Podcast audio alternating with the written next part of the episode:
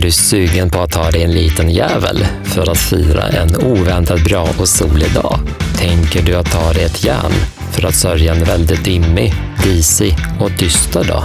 Pratar du ständigt om hur hyfsat bra en magborste kan lindra alla sjukdomar, inklusive hemorrojder och rabies? Har du inte hört talas om det?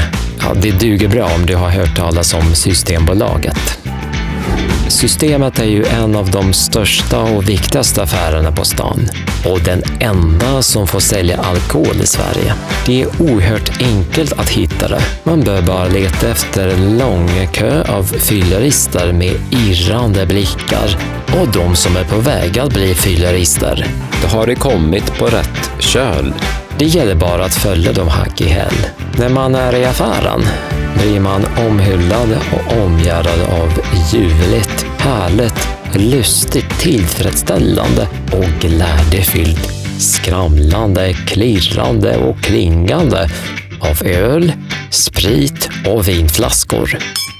En fröjd för öronen. Vilket enormt sortiment! Man blir alldeles överväldigad. Men det är dock viktigt att tänka efter. Det krävs en skopa mod och en smula sunt förnuft. Det är för sjutton viktigt vilken slags alkohol man köper. Är du inte less på folköl med alkoholhalt 2% Ljusen som jag har glömt på bordet i två veckor är ju starkare. Nej, du lunkar avsiktligt mot hyllorna med sprit där du finner en präktig flaska som kommer att ge dig en präktig skrumplever. Du kan även förutspå dina kommande känslor och förnimmelser efter spritintaget genom att titta på de fina, runda diagrammen som visar innehållets fyllighet. Systembolaget tänker på dig. Det går översvallande bra. Du bör dock tänka på att ju starkare åtrån är till vinets fyllighet, desto högre är chansen att få köra Gustavsbergsbussen. Inget körkort krävs. Trevlig resa. När du helt uppslukad av dessa tankar passerar förbi kassören får du plötsligt en otäck fråga.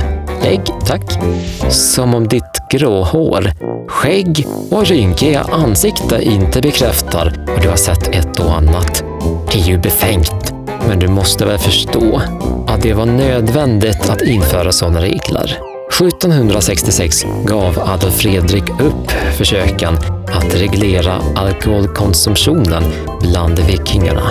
Det ledde i sin tur till att alla tillverkade sin egen alkohol hemma och att även spädbarn var berusade och kissade på sig.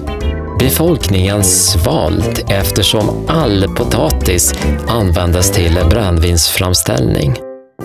Skickliga vikingar kunde inte begränsa supandet och i och med det överträffade och överglänste svenskarna de larviga alkemisterna genom att framställa sprit av allt möjligt som var tillräckligt ekologiskt. Kampen mellan staten som ville tjäna på alkoholkonsumtionen och magra Svenssons som behövde sprit att värma sig med under kalla, mörka vintrar slutade vid Systembolagets invigning. Men så var det bara på ytan. Ingen kräftskiva blir det utan sup. Surströmming smakar himla gott med lite vin. Tidsmaskiner som går på spritbränsle skickar livlösa kroppar från fredag till söndag.